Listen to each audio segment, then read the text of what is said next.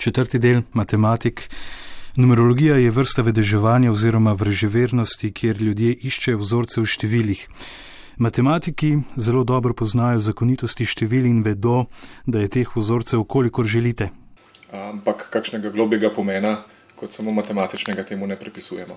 To je Andrej Bauer, profesor na fakulteti za matematiko in fiziko.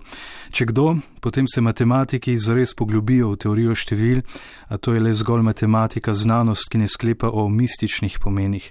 Matematiki gledajo na numerologijo podobno kot astronomi na astrologijo. Zgodovinsko sicer teorija števil in numerologija nista bili ločeni. Primer Pitagora, znani grški, starogrški matematik, je pripisoval mistični pomen številom in se je ukvarjal z numerologijo. Poznane so tudi pomembna odkritja v zgodovini, ki so se začela tako rekoč z numerološkimi odkritji, naprimer periodični sistem elementov. Najprej so ljudje opažali neke numerične vzorce, s katerimi niso vedeli, kaj bi, potem pa so to z tega kasneje sestavili periodični sistem elementov.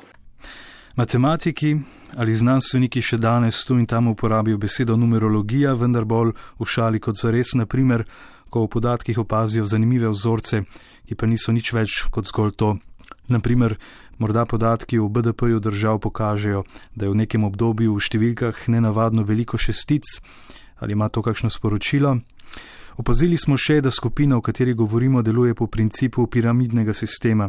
Matematiko je hitro jasno, da mrežni marketing in piramidni sistemi preprosto ne delujejo. Če vsak član pripelje več kot enega novega člana, kar je potrebno če želite imeti hitro rast, eh, potem dobite tako imenovano eksponentno rast. In znano je, da eksponentna rast ne more uh, obstajati dlje časa, ne da bi se kaj zalomilo. Ker stvari enostavno rastejo prehitro. Če bi vsak teden podvojili število članov, bi zelo kmalo zmanjkalo ljudi. V vseh podobnih modelih se zalomi, najbolj pa so oškodovani tisti, ki so prišli v skupino zadnji. In še eno vprašanje sem imel za matematika. Eh, doktor Andrej Bauer, katero je vaše najljubše število?